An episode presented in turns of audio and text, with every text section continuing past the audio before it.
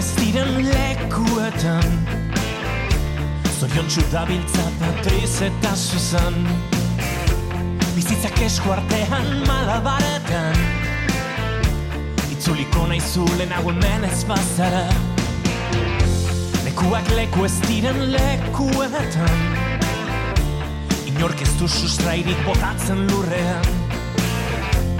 Aguroz binduen eta ongietorrien Lekuko diran leku ez diren lekuak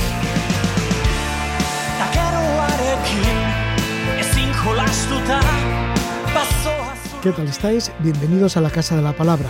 Vamos al rescate de entrevistas ya emitidas. La primera de ellas data de mayo de 2021. Se trata de la conversación que mantuvimos con Conrado Muguercha. Nos presenta la exposición y el libro Sura Taura, Madera y Agua, en donde muestra la pérdida de policromía de las embarcaciones en los puertos de pesca de la costa vasca. Conrado Muguercha es un veterano fotógrafo que lleva años retratando el colorido de los puertos. Los colores dominantes históricamente eran el azul, el rojo y el verde, una combinación que era un modo de entender la vida, una expresión de identidad y es su pérdida la que se refleja en esa exposición, Sura Etaura. Y luego nos vamos hacia el Himalaya. Estaremos con la periodista Siana Sicardi. Llegó por primera vez a la cordillera del Himalaya cuando fue al campo base del Everest solo quería ver la cumbre del Everest, sin más, pero en su camino su mirada se cruzó con la de un joven serpa llamado Lakpa Nuru, que había coronado la cima del Everest en dos ocasiones. Aquel encuentro les cambió la vida y Siana se interesó por la forma de ser de los serpas. De nace el libro Serpas, la otra historia del Himalaya. Y luego nos iremos al lago Inari, en Finlandia, en Laponia. Estaremos con Manolo Taibo y su que nos describen la travesía que realizaron esquís arrastrando de Pulka de oeste a este del lago Inari en esta Laponia finlandesa. Mm, estaremos recorriendo el lago Inari, pero para empezar nos quedamos en los puertos vascos.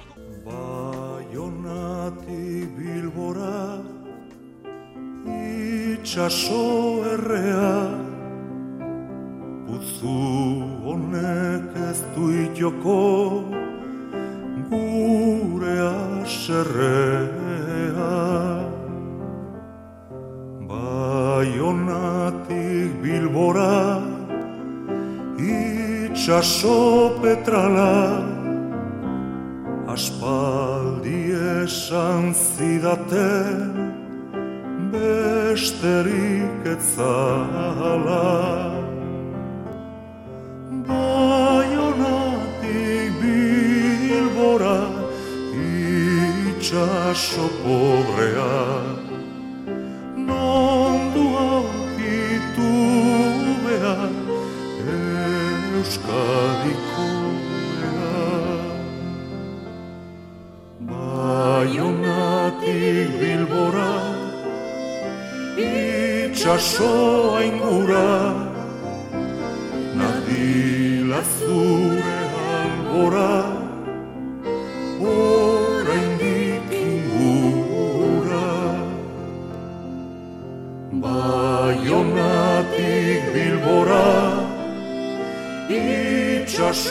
Es Imanol con el tema Bayonotic Bilborá. Y esto nos lleva a hablar de un libro que lleva el título de Sura Etaura, Madera y Agua. Es un proyecto fotográfico literario compuesto de una exposición y un libro. Está dirigido por Conrado Muguercha, aficionado a la fotografía desde hace ya 45 años.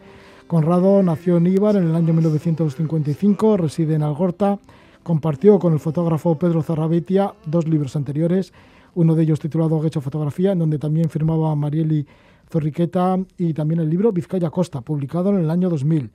Conrado tiene un importante archivo fotográfico sobre puertos y barcos y en Sura de Tauro pues se lamenta de un mundo que se pierde. Muestra fotografías cuando todavía estaba muy presente y viva la combinación de colores, tanto en la madera y el hierro, en los botes, en los bateles, en las chalupas, en las merluceras, motoras, gasolinos, pesqueros, también como en la piedra de los muelles, ¿no? todo el colorido que hay y se va mostrando en este libro de Sura Etaura, que también es una exposición. Le damos la bienvenida a Conrado Muguercha. Gabón, Conrado. Hola, Gabón, Roger. Bien, ¿qué consecuencias tiene la desaparición de la policromía de los puertos pesqueros? Porque de esto te lamentas en el libro. Sí, eso digamos que es lo, más directo, lo más visual mm, es consecuencia de, la sustitución de la madera por el poliéster. En la medida en que desaparece la madera de los puertos de, pesca, eso que yo he llamado la, deforestación de los puertos de pesca, pues y se sustituye por el poliéster, eh, mm, se produce una, una, desde luego, una transformación en el paisaje, pero se produce también más de una pérdida, ¿no? Eh, la transformación en el paisaje diríamos pues que es eh, desde luego esa pérdida del color, porque el poliéster no se trata como, como la madera y, eh, y hay pérdidas, además de esa pérdida cromática, pues desde luego se pierde todo lo que es el, oficio de carpintero de Rivera. lo cual pues era, un, era un modo de vida, era una profesión, un oficio pues que, tiene un gran impacto en, los pueblos costeros. ¿Cómo devocadores eran estos puertos antes de la llegada de los materiales sintéticos en la construcción naval? ¿Cómo fotografiabais por aquel entonces Pedro Zarrabeitia y tú pues, el libro de Vizcaya Costa, que ahora también pues, deriva en este Sura Taura? Bueno, pues como, fotógrafos y con, pretensiones de hacer fotografía artística, los puertos pesqueros siempre han sido un, entorno absolutamente privilegiado, ¿no?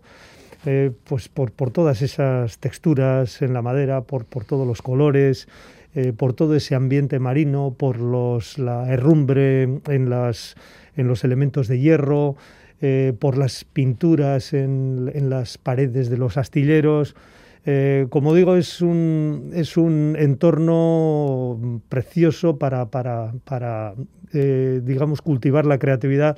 Y como fotógrafos, desde luego, tanto Pedro como yo, que, prácticamente siempre hemos trabajado el color, pues, eh, en fin, era un, filón el, el poder hacer fotografía en los puertos pesqueros. ¿Cuáles eran los colores dominantes en estos puertos vascos? ¿Cuál era la combinación de estos colores? Bueno, los, los colores, eh, como, como, también lo, refleja el libro y como incide también en el tema Jesús Mari Lazcano en el libro, eh, los colores predominantes en los puertos vascos han sido el rojo, el verde y el azul combinado con el, con el negro, a veces en el casco de las embarcaciones, combinado con, con el blanco en, en, otros elementos de las embarcaciones, pero básicamente esos tres colores nos definen eh, como, como, pueblo en, en, nuestras embarcaciones, ¿no? el rojo, el verde y el azul. Son un reflejo también este, este colorido que había en los puertos de una manera de entender la vida y del oficio del marino. Pues seguramente. Eh, lo cierto es que los colores de las embarcaciones, como, como, sus nombres o como otra serie de elementos, como las formas, pues son, son características propias de las embarcaciones en, cualquier lugar del mundo, ¿verdad? Pero, pero ciertamente una, una, combinación de esos colores pues es, eh, es una singularidad de cada, de cada país de cada pueblo. En nuestro caso, como digo, son esos tres colores los, los principales y difícilmente vamos a encontrar colores amarillos o violetas o, o, rosas o, o, naranjas, que sin embargo en otros lugares del mundo pues sí los encontraríamos. ¿Qué se ha opuesto la polotina desaparición de la carpintería de Rivera, de esos pequeños astilleros artesanales? Pues desde luego la desaparición de un oficio, diría yo que como, como aspecto más importante. Y luego como, como efecto visual y como transformación del paisaje, desde luego una, una pérdida de lo que es la, policromía de los puertos. Los puertos que eran un, los puertos pesqueros, que eran eh, un auténtico lienzo de, de colores, pues se han ido convirtiendo paulatinamente en, lienzos en blanco. ¿eh? Aún se mantienen eh, a veces los colores en, las embarcaciones modernas también, pero si hoy en día miramos el puerto de Lekeitio, el puerto de Bermeo, el puerto de, Donosti, los miramos desde un punto de vista elevado, pues vemos que predomina el blanco. Eh, es a eso a lo que yo le he llamado la, desertización cromática, esa pérdida del color que, desde luego eh, más allá de la transformación del paisaje, pues supone también una pérdida de, de identidad propia. Sí, los carpinteros coinciden en que la madera, al ser más pesada, se acopla mejor al agua. Pero bueno, económicamente es más ventajoso el poliéster, que además no se pudre, que también tiene sus ventajas, ¿no?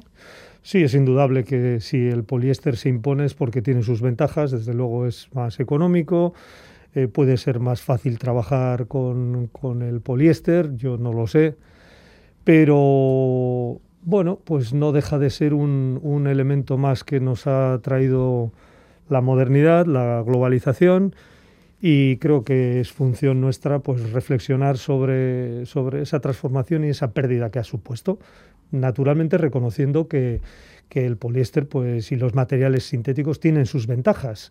Y alguien dirá que, que bueno, pues de esta manera se talan menos bosques también. ¿eh? Lo que pasa es que la elaboración de los materiales plásticos y el poliéster, la síntesis de esos materiales también tiene un alto coste ecológico y, en fin, esas cuestiones también habría que tenerlas en cuenta en el balance general. El libro sí que te ha salido bastante policromático porque, bueno, ahí están los tres colores base del azul, verde y el rojo, que dices que son los colores que has retratado en los, en los puertos. Y además es policromático, bueno, porque es mm, polivalente, diríamos, porque hay muchos autores. Hay Mm, escritores, hay profesores y hasta un carpintero, hasta un carpintero de Rivera.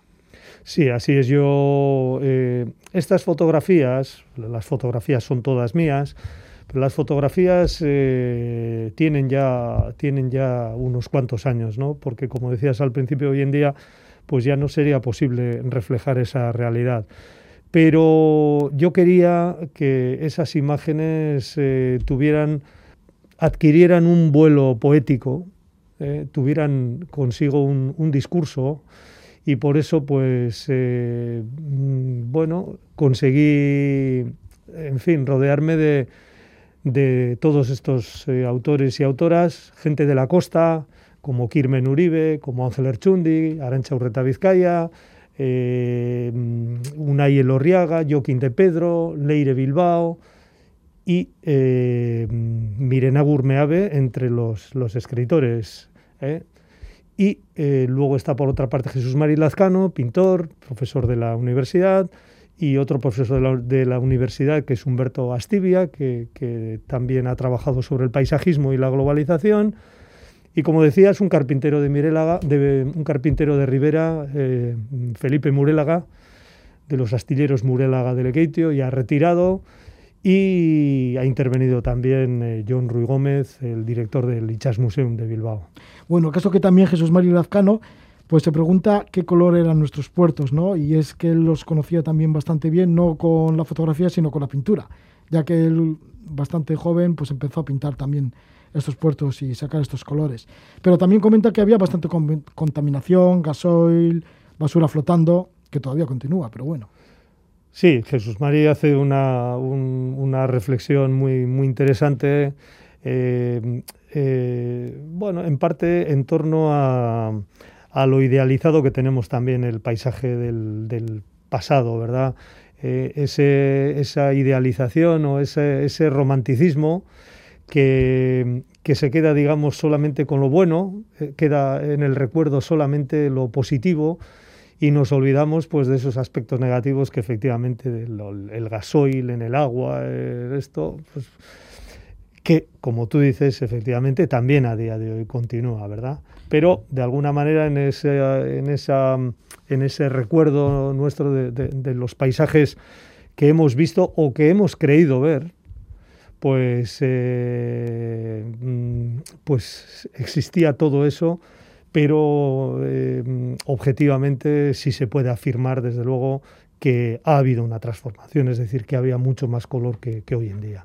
Estamos con Conrado Muguercha, que nos está presentando el libro Sura Etaura, Madera y Agua, en el que se recogen textos de diferentes autores, pero también se recogen sobre todo pues, sus fotografías, ¿no? esas fotografías que tienen ese aspecto artístico, que aparecen como así, como mapas, ¿no? mapas de los óxidos sobre el hierro, un hierro envejecido con mucha expresión de diferentes colores, texturas de madera, de piedra también en los muelles. Todo eso que serán fotografías igual tomadas hace tiempo, no son actuales. Sí, la mayoría de ellas, desde luego, son fotos de hace 20 o 25 años. Eh, eh, como decía, porque a día de hoy mm, muchas de ellas no podrían, no podrían tomarse. Hay algunas más recientes también, de los óxidos de hierro, que bueno, digamos que esos eh, aún, aún están presentes. Conrado, y, y, los paisajes que aparecen en este libro, bueno, son como micropaisajes, ¿no? Bueno, son todo como micro, ¿no? Al, al, ir al detalle, ¿no? Al detalle de estos mapas que hemos dicho de óxido, por ejemplo, en los puertos o, o en los muelles, ese colorido, esas gotas que caen por ahí y así. Sí, eh, sí, yo he distinguido ahí un poco entre paisajes y micropaisajes. Dominas bien el color, ¿eh? las combinaciones de colores. Bueno, eh, eso es lo que se presenta y desde luego es, eh, es relativamente sencillo. Bueno, hace falta mirarlo con, con esos ojos un poquitín de, de, de la búsqueda de, de, la expresión artística y, bueno. Y efectivamente, como dices, son, son básicamente micro, micropaisajes porque más allá de, de, paisajes generales son imágenes de detalle, eh, algunas mucho más grandes, desde luego, que, que, que, lo que son al natural. Y bueno, ahí es donde pues muchas veces se descubren pues todas esas geografías de las que hablabas y en fin, todo, todo ese eh, lienzo colorista y de, texturas pues que, que, resulta tan creativo y tan evocador. Bueno, pues aquí está este libro tan evocador, Sura Etaura. Estamos con su autor, con Conrado Muguercha, que se recogen pues imágenes de los puertos, los puertos sobre todo como eran antes, con ese colorido, ¿no? con esas combinaciones de colores, de azul, de rojo, de verde, y que esto se está perdiendo pues con los materiales de construcción en los últimos tiempos, debido al poliéster y otros materiales sintéticos. Muchísimas gracias por estar con nosotros, Conrado Muguercha, que vaya todo bien. Y para encontrar el libro, pues se puede encontrar en el Chas Museum, luego en el Aquarium de Donosti y también lo distribuye en las librerías Elcar. Sí, en Elcar también se puede encontrar, sí. Muy bien, que vaya todo bien, Conrado. Bueno, es que recasco, Roja.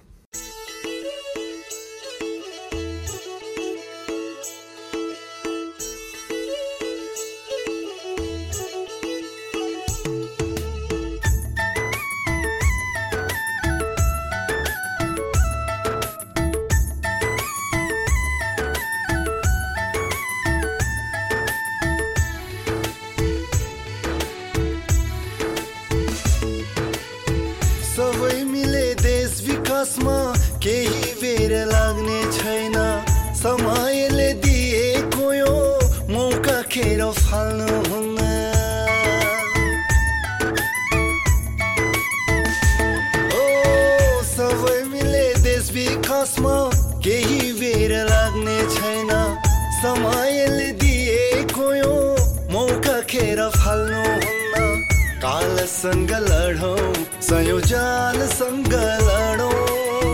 आफन्तले लगाएका गालसँग लडौँ। एउटै लक्ष्य सधैँ राखौँ एउटै चाल चाली। एउटै लक्ष्य सधैँ राखौँ एउटै चाल चाली। समृद्ध होस् देश हाम्रो।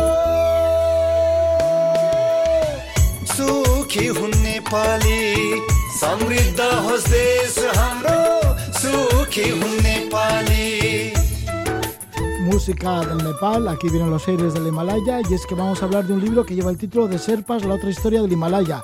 Los autores son la periodista de Barcelona Siena Sicardi y el nepalí Lappa Nura Serpa, que es guía de trekking y expediciones en los Himalayas de Nepal. En el libro se muestra el mundo de los serpas que se dedican al turismo de altitud y de esto nos va a hablar Siena Sicardi, la que tenemos, ya tenemos conexión con ella en Barcelona. Siena, ¿qué tal estás? Buenas noches. Hola, Roge y amigos, ¿qué tal? Buenas noches. Siana, pues sí, que te fuiste porque tenías interés de conocer el Everest o por lo menos observar el Everest y así te fuiste hacia Nepal, hacia el valle de Kumbu y luego hiciste el camino, el trekking de unos 13 días para, bueno, entre ida y vuelta para llegar al campo base del Everest. Pero bueno, al final te diste cuenta que no te interesaban tanto las montañas como sí los personajes que viven allí, como son los serpas. Y te enamoraste de los serpas y del mundo serpa y de ahí viene este libro, Serpa, la otra historia del Himalaya. ¿Por qué la otra historia del Himalaya? Bueno, porque, mira, Roge, porque creo que mucho se ha hablado de las grandes expediciones, ¿no? Y que han hecho historia, lógicamente, de la conquista del Himalaya. Eh, fíjate, fíjate que además el lenguaje, bueno, luego hablaremos del lenguaje, pero es la conquista del Himalaya, coronar el Everest, todo esto que hemos ido relatando, ¿no? Porque es como la historia, ¿no? La, la, explican los ganadores, ¿no? Entonces, bueno, hemos hecho todo un relato histórico de lo que ha sido la conquista con los exploradores, con los eh, exploradores eh, para conquistar el Himalaya y nos hemos olvidado de la gente que lo ha hecho posible, ¿no? Que ha sido la población local, que ha sido la que históricamente, pues, ha llevado la comida, ha subido las tiendas a, a 6.000 metros con las cocinas, ha asistido a todos los deportistas a 8.000 metros, la llamada zona de la muerte, que es peligrosísima. Toda esta gente, los Sherpas, pues bueno, al final han quedado un poco olvidados de la historia. Entonces yo cuando llegué a Nepal y me perdí por el Himalaya y en varios viajes, dije, pero si lo que sucede con esta gente, esta gente es maravillosa, con todas las excepciones lógicas, ¿eh? pero en general, esta gente es maravillosa, es muy desconocida y se ha hablado muy poco de ellos, no sabemos nada de ellos. Entonces, bueno, lo que hice fue dejarme llevar por ellos. Te dejaste llevar por ellos y sí que entraste en sus casas, por supuesto, ya que muchos de estos... Mmm, muchos de los lugares en donde te hospedas son casas particulares, ¿no? En el trekking hacia el campo base del Everest. Sí, fijaos todos que yo, yo que soy una tía muy urbanita y que nunca había hecho cosas de montaña, en uno de los sucesivos viajes eh, se dio la circunstancia, mira, justamente hace un año y tres meses, porque fui en diciembre de 2019, ¿no? Eh, de repente el ACPA, el coautor del libro, me invitó a su casa con su madre y a pasar unos días, ¿no? Entonces, bueno, entre que llegas, que ya es toda una aventura, llegar hasta allí, hasta, porque esta señora vive sola en una ladera de una montaña a 2.000 metros, eh, a 70 kilómetros del Everest, y vive ella ahí sola, con sus vacas, con sus tres patatas y nada más. Entonces, llego, llega aquí la urbanita de Barcelona, ¿vale? Y llego ahí en diciembre, cosa que no es eh, cualquier, cualquier, cualquier facilidad, y esa casa, claro, esa casa no tiene eh, electricidad, con lo cual no tiene luz, no tiene agua potable y no tiene más calefacción que la chimenea. Entonces yo me acuerdo que esos días, pese a las grandes carencias que evidentemente pues viví, ¿no? Porque uno cuando se va de vacaciones es para estar más cómodo y no así, pues mira, Roges, que fueron algunos de los, de los días más felices de mi vida en cuanto a reconectar con un montón de cosas y con gente que me hizo abrir los ojos a muchas otras. Sí, que te han hecho abrir los ojos, pues sí, a cantidad de ellas, ¿no?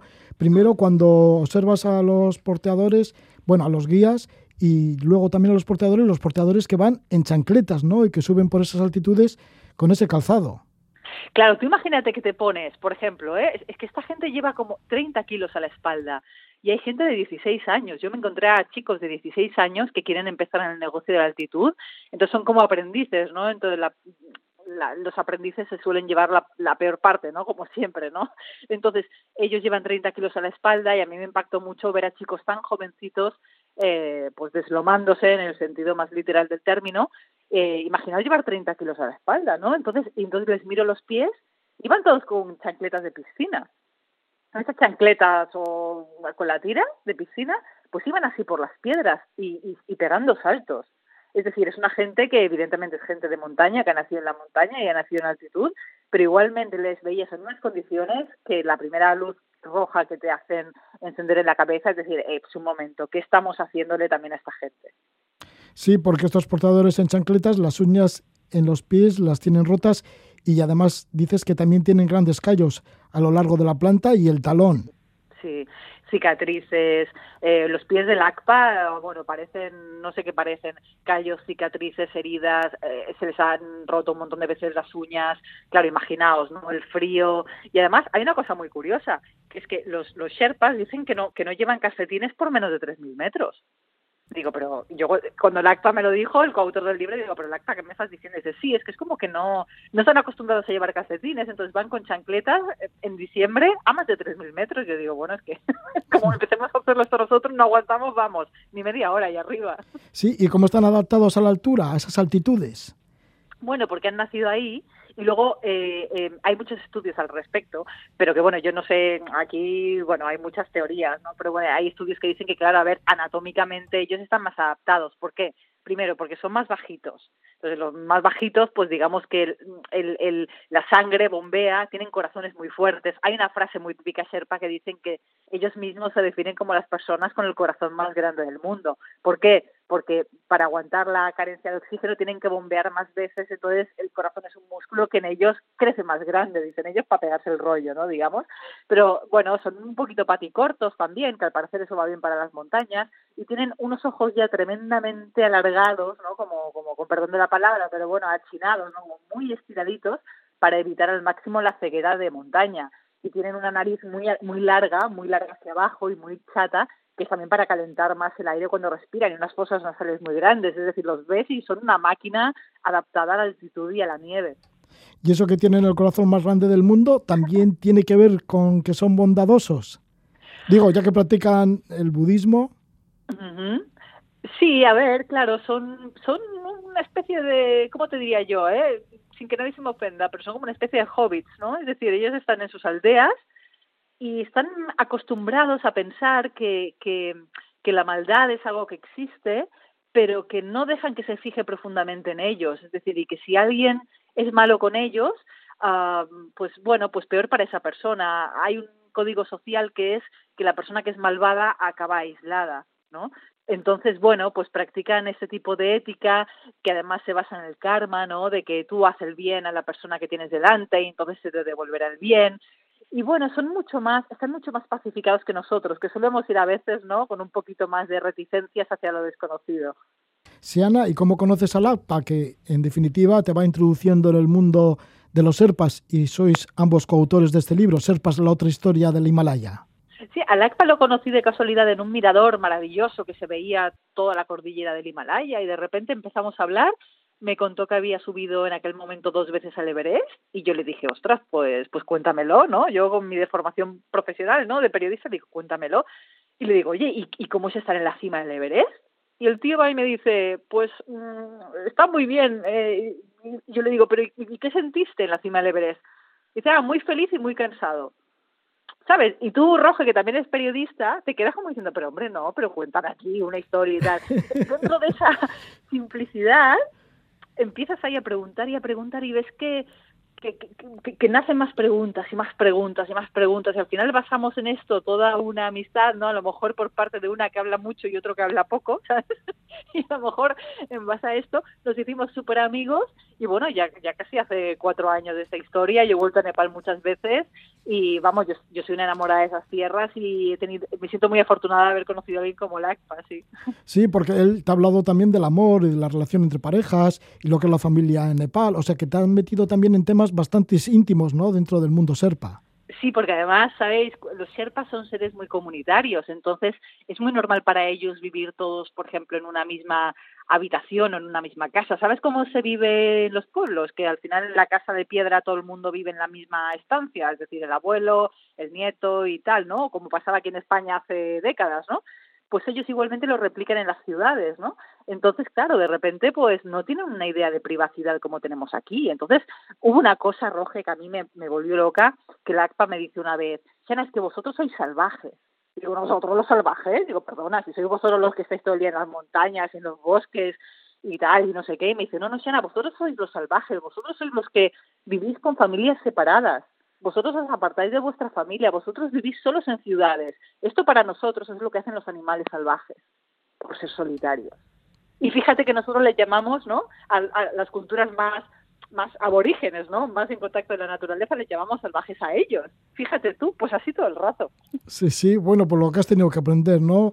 Hablando de ese contraste también entre el pueblo serpa y lo que vivimos nosotros aquí. Y en cuanto a la masificación del Everest, ya que LAPA ha subido, ya has dicho, cuando lo conociste dos veces, pero ya hasta el momento creo que lleva tres veces, tres ascensiones al Everest. Sí, tres veces y la tercera fue, eh, pues mira, ¿sabéis la foto famosa de la masificación del Everest que se hizo, bueno, que, que, hizo el alpinista Nirmal Purja eh, hace un año, ¿no? Que mostraba esa, toda esa cola de gente en el Everest pues esa foto que dio la vuelta al mundo, pues en ese momento, ese día, LACPA estaba allí. LACPA era uno de esos puntitos de colores que se ven en esa foto, ¿no? Entonces, él vivió en primera persona esa pacificación del Everest tan famosa eh, y que ha dado tantos problemas después al gobierno de Nepal. Eh, y él, bueno, y él tuvo muchos problemas y, y, más gente, porque murió más gente. Me parece que en esa temporada por el lado nepalí murieron 11 personas, si no recuerdo mal.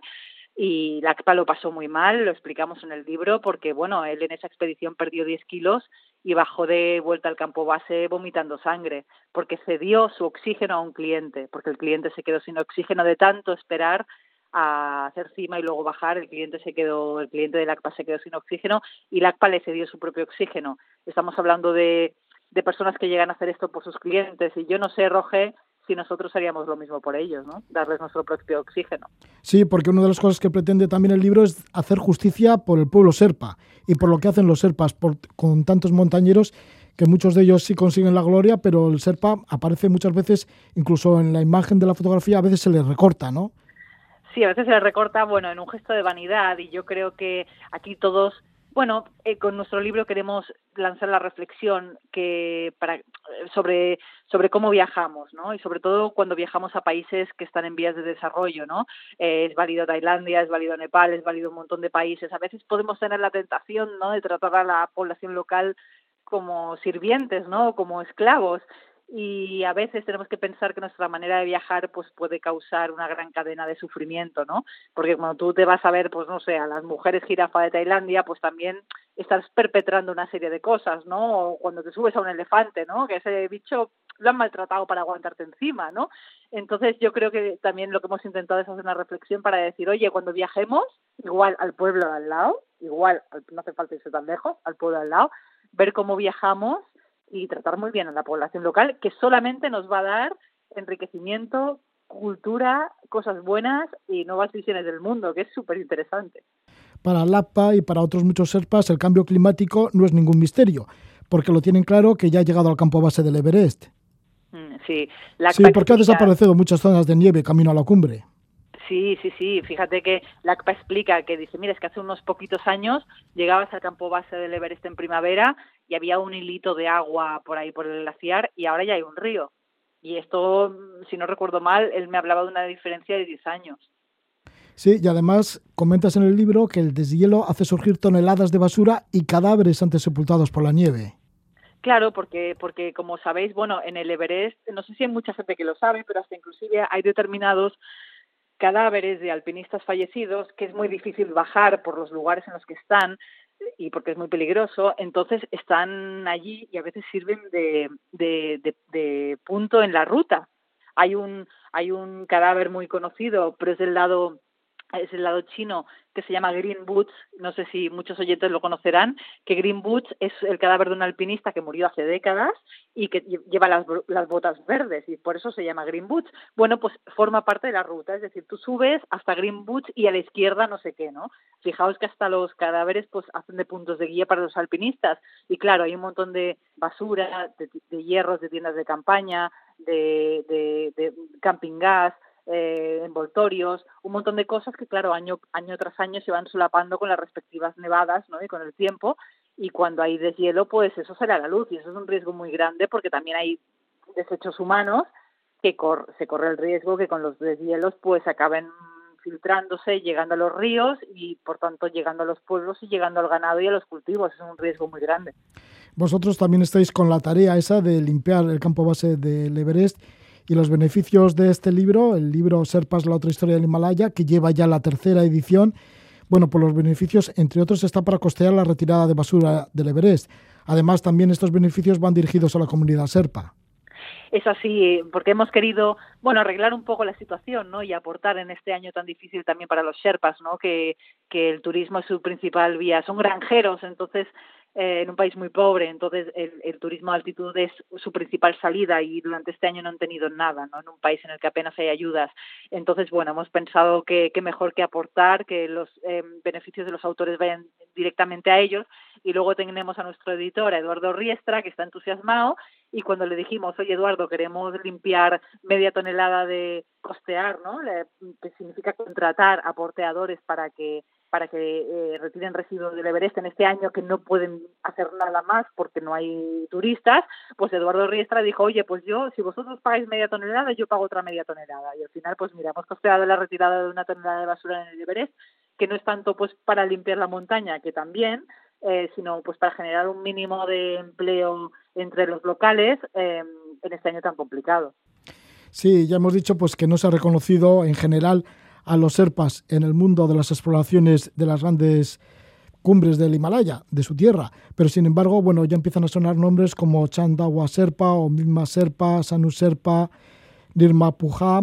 Nirma Puja, que, bueno, todos los que he nombrado ya tienen cada uno 14 8000 y Nirma consiguió los 14 8000 en solo 6 meses y 6 días. Además fue el que fotografió el famoso atasco en la cumbre del Everest en mayo de 2019, en donde también estaba, como lo has nombrado, LAPA, y bueno, y entre otras cosas, pues ha conseguido la cima del K2 en invierno. O sea que cada vez se va reconociendo más a los serpas como grandes himalayistas. Bueno, que siempre lo han sido, pero como hemos dicho muchas veces han estado ahí esquinados. Sí, pero fíjate que Nirmal Purgi no es Sherpa, es el único de todos estos que fueron al K2 que no es Sherpa. Me parece que eran 11 y me parece que 10 eran Sherpas y, y Nirmal Purja no, pero él, él tiene, o sea, es decir, tiene alma de, de, Sherpa completamente y, es, y lo que pasó en el K2 hibernal, que es una historia maravillosa, Roge, esto ha permitido que los Sherpas, pues bueno, tengan este reconocimiento que explican en privado y a mí me lo han explicado en privado de decir, jolín, todo el mundo hace aquí, consigue sus portadas, ¿no? Sus portadas en sus países y a nivel internacional y todo, y nosotros, porque claro, que un alpinista occidental llegue al Everest y salga en la prensa, ok, pero es que a lo mejor el Sherpa que lo ha llevado hasta la cumbre ha estado 15 veces en el Everest. ¿Y ese tío dónde sale en la, prensa o qué reconocimiento tiene? Si es un alpinista de élite. Tú imagínate subir 15 veces al Everest. LACPA tiene un tío que yo lo conocí que ha subido 11 veces al Everest y está ahí sentado y nadie sabe quién es. Cuando tendría que estar de alguna manera en alguna especie de podio del, del alpinismo internacional, ¿no? Entonces, ¿por qué no está? ¿Por, por qué no están? ¿Por qué solamente se conocen cuatro? ¿no? Eh, pues a lo mejor esa es la reflexión que nos tenemos que hacer, ¿no? Porque eh, los, las, las cumbres las tienen. Pues sí, seguro que sí. Bueno, estas y otras muchas reflexiones sobre el mundo de los serpas se recogen en este libro. Los autores son Siena Sicardi y Lappa Nuro, Nuro Serpa. Y el libro es Serpas, la otra historia del Himalaya, que lo edita Ediciones del Viento. Muchísimas gracias por esta conexión con Barcelona, Siana Sicardi. Que vaya todo muy bien con Ser para la otra historia del Himalaya. Muchísimas gracias, Roge, y a todos, y un beso muy grande.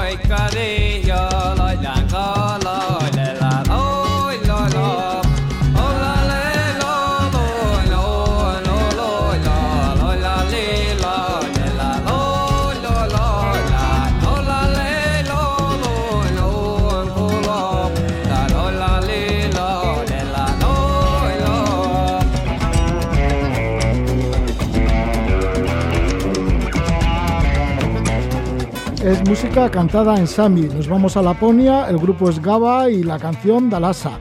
Y sí, nos vamos a Laponia, además al lago Inari, que se encuentra en Finlandia.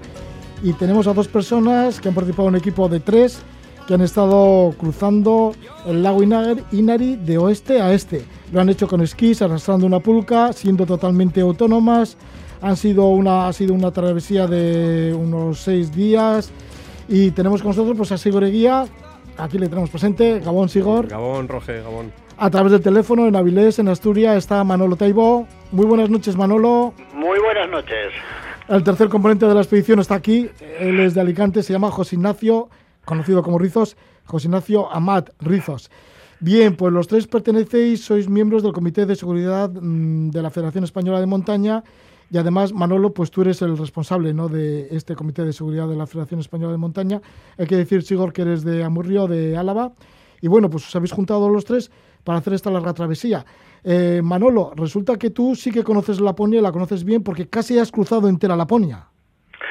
Pues sí, he tenido la, la, oportunidad en diversos viajes y casi de una manera casual ir conociendo la Laponia finlandesa eh, casi hasta el extremo final de, Noruega y me quedan como 50 kilómetros para, para acabar esta, esta ruta de, de sur a norte.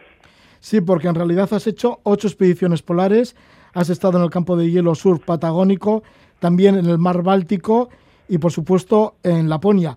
¿Has sido tú el que has convencido a Sigor y a José Ignacio, a Rizos, para hacer no. esta expedición? No, no, los culpables son ellos. Ellos.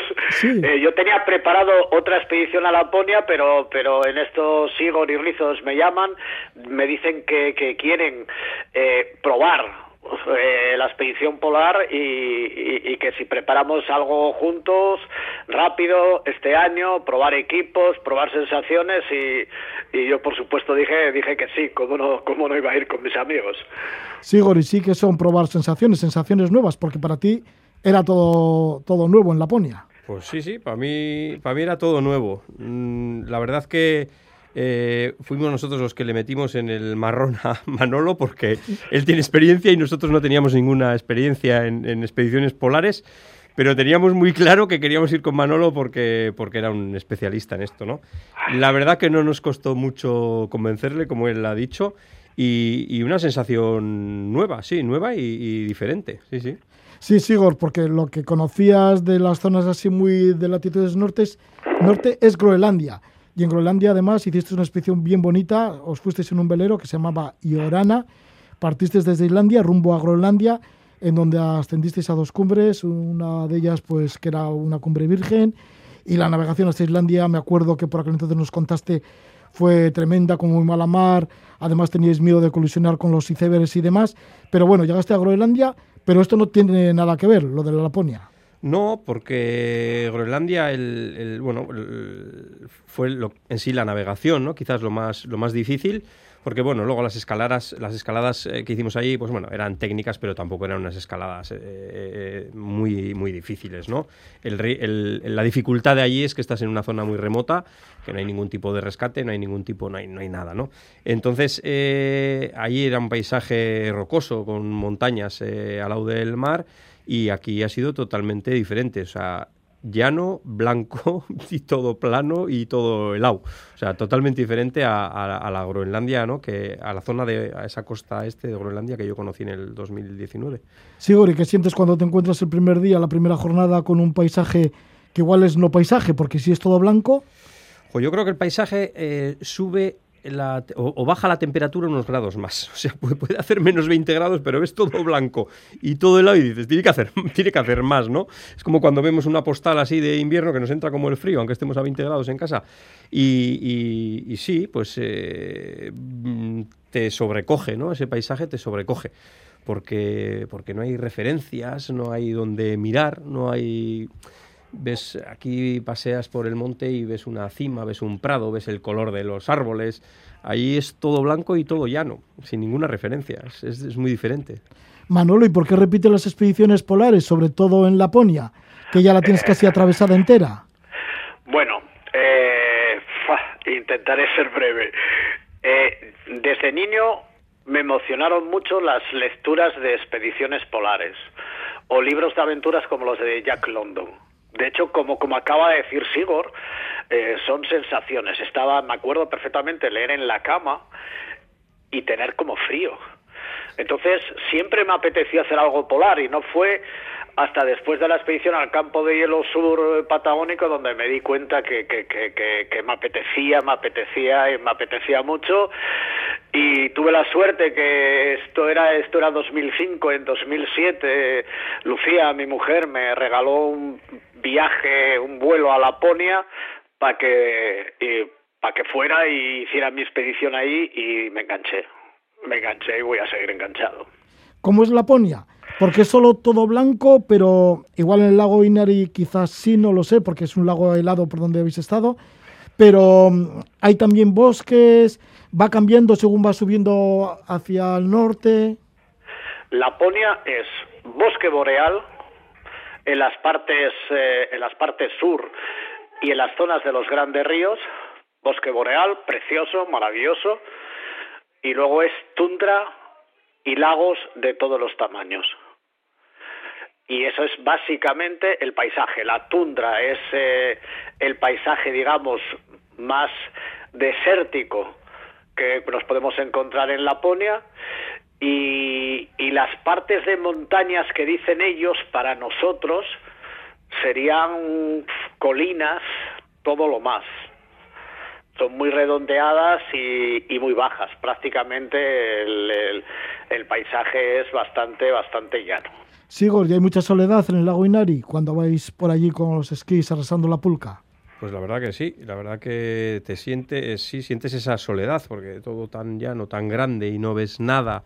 Eh, eh, en, bueno, en las seis jornadas que hicimos solo vimos a una persona, un polaco que estaba haciendo la travesía de, norte a sur.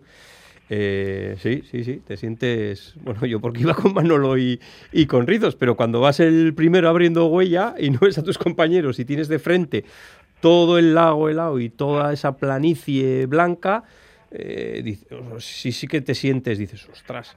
Luego ya cuando vas el, último y abren ellos huella, pues bueno, pues les ves a ellos y te da otra sensación, pero sí hay momentos que, dices, joder. ¿Llevabais alguna tienda para dormir a la noche o cómo hacíais para pernotar?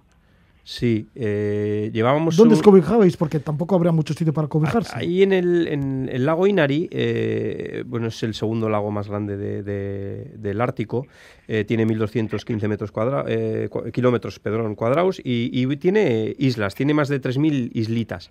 En esas islitas hay repartidas más de 240 cabañas de madera que están abiertas, que tienen leña eh, y, una estufa. Entonces nosotros eh, intentábamos hacer las etapas coincidiendo con esas cabañas. No obstante, por seguridad, eh, llevábamos tienda de campaña, si acaso pues no, algún, algún, alguna algún accidente, incidente o, bueno, cualquier eventualidad, ¿no? dormir en la tienda. Llevábamos una tienda, sí. Manolo, ¿y cómo eran las jornadas? ¿Cómo lo hacíais desde que amanecíais y terminabais en esas cabañas? Bueno, pues esto es... Porque pasa, es, muy rutinario, digo, tanta monotonía, digo, ante el paisaje blanco. Sí, y de hecho casi todos los movimientos eh, del arrastre de la pulca, eh, eh, incluso la manera de cocinar, de hacer el agua, todo eso, en una expedición polar es muy rutinario. Entonces, eso requiere una, una disciplina. Eso requiere una disciplina, eh, sobre todo psicológica, y de tener todo bastante bien pautado para no solamente para no equivocarse, sino para no dejar de hacer cosas que luego sí pueden ser un problema. Eh, colocar el equipo adecuadamente en la pulca, tener a mano las cosas que se tienen que tener, eh, tener los termos con el agua caliente, etcétera. Pero sí, hay una especie de rutina. Esa rutina y ese paisaje blanco que a veces es tan pesado nos iba a tener momentos de recogimiento interior muy importantes que forman parte de las cosas más agradables para mí, para mí, de una expedición de este tipo. Con lo cual, la monotonía y la rutina me compensa con, con el recogimiento interior. ¿Y cómo es ese recogimiento interior? En tu caso, Sigor. Ostras, yo, no, yo, no, soy tan profundo como... Yo ya, porque tú eres tan inquieto, Sigor. yo sí, yo llegaba allí, venga, me ponía, a mí me tocaba hacer agua y cada uno teníamos un poco nuestra función, ¿no? Y además fue muy bonito porque nadie tuvo que decir nada y nos salía, nos salía de dentro, ¿no? Entonces, eh, tengo que decir que fue una gozada porque, porque la verdad que congeniamos muy bien los, los tres. Cada uno, cada uno bueno, cogió un rol ¿no? en esa expedición. A mí me tocaba fundir agua, y yo feliz, eh, fundiendo agua. Eh, Manolo se encargaba, Manolo era el jefe de la expedición, era el que tenía la experiencia. Y Rizos y yo estábamos probando, ¿no? Era la primera vez que, estábamos en una expedición de este tipo. Y bueno, pues probando un poco todas esas sensaciones. Fue una gozada ir con Manolo, lógicamente, porque con la experiencia que tiene, pues vas como muy tranquilo, ¿no? Vas como Parece, pues sí, muy, muy, muy. Yo la verdad que fui muy tranquilo y disfruté un montón, disfruté un, montón. ¿Es delicado esto de fundir el agua? Bueno, cuesta, cuesta un rato porque parece mentira, pero llevas un balde de, nieve y luego ese balde de nieve cuando lo fundes dices, joder, ¿solo, solo es esto? Me cago en la mar si llevo aquí un rato fundiendo agua y, y, y, y no, no, no, daba mucho de sí, ¿no? Pero bueno, eh, mientras fundes el agua, pues charlas, eh, cuentas cosas. Bueno, la verdad que. Sí, porque todo tiene que ser delicado. Lo que aquí igual es una operación normal, allí no tanto. Yo que sé, las mismas cremalleras de, de los trajes Pues sí, y demás. las sí. cremalleras se congelan, el agua no la puedes llevar en una botella de plástico, pues porque se te congela. El queso idiazábal del Valle de Ayala, pues no sabe igual, eh, porque lo sacas de la pulca congelado, entonces no, no sabe igual. Eh, hay, hay detalles que dices, o el chorizo ese de oso que compramos en Inari, pues bueno, dicen, es chorizo de oso, pues como si te dan una, pues yo qué sé, no, al al estar todo frío, pues no sabe igual, ¿no? Eh, luego yo, mira, un recuerdo que tengo, lo que más me apetecía, mira que cuando voy al monte aquí lo que más me apetece es tomarme una cerveza después. Pues ahí me apetecía agua de agua mineral, o sea, un botellín de agua, porque al fundir la nieve y al estar bebiendo todo el rato agua de nieve, claro, pues al agua le echábamos que si un poco de sal, que si un poco de no sé qué, que si un poco de miel. Entonces, yo quería agua, agua, o sea, agua. No ese agua con los potinges que le echábamos, ¿no? Con la sal, con la miel, con el no sé qué. Acabas un poco harto de, de- de- del agua de nieve con, con- con ingredientes ahí chunguillos. Esta ha sido la última aventura que habéis vivido, porque la hicisteis a finales de febrero hasta el 11 de marzo. Y al regreso, bueno, pues ya fue la alarma sanitaria en todo el mundo, el confinamiento severo. Así que os librasteis por los pelos. Pues sí, la verdad que, que sí, que fuimos de aquí, salimos de aquí, pues eso, con algún caso de coronavirus en Madrid, en Canarias, no sé qué, no sé cuántos. Y cuando volvimos, fuimos conscientes de la que, de la que, de la que habíais preparado los que os habíais quedado aquí. Así de claro. Dijimos, joder, nos hemos ido 10 días, la que ha preparado esta gente aquí. Menos, menos mal que solo nos hemos ido 10. Si nos llegamos a ir un mes, no- nos, la, nos la preparan gorda. Sí, sí. O sea que decíais, bueno, hemos vivido algunos peligros en, en el lago Inari, atravesando ahí una parte de Laponia en Finlandia, y sin embargo el peligro está en casa. Efectivamente, Manolo, estábamos allí súper bien, solo, solo con miedo del oso, pero, pero, pero llegamos aquí y el peligro estaba aquí, el peligro estaba aquí, decíamos, cabo en la mar, nos teníamos que haber quedado allí, la ostra un mes más, aquí teníamos el, el bicho. Sí, sí. Bueno, pues son historias que suceden y lo está contando nuestros invitados. Manolo Teibo desde Avilés, en Asturias, explorador de diferentes facetas, la mayoría de ellas polares, y además tiene un libro que lleva el título de Prevención de Riesgos para Colectivos de- mm, en Montaña, que lo edita Ediciones Cordillera Cantábrica. Y bueno, por los tres miembros de la expedición eh, sois expertos en temas de seguridad, por eso además tenéis responsabilidades en, en la, en la Federación Española de Montaña. Muchísimas gracias desde Asturias, Manolo Teibo, por estar con nosotros. Muchísimas gracias. Muchísimas gracias también a Sigor Eguía Es que ricasco. por estar con Roge. nosotros, Gabón. Es que ricasco, Gabón. Sigor Eguía y Manolo Teibo nos han guiado por el lago Inari en Finlandia y nos vamos con un trío de rock con sonido de los bosques profundos de este país, de Finlandia. Son Rayat Dayat con el tema Samasa Vanessa. Que vaya todo bien, que disfrutéis muchísimo, que lo gocéis.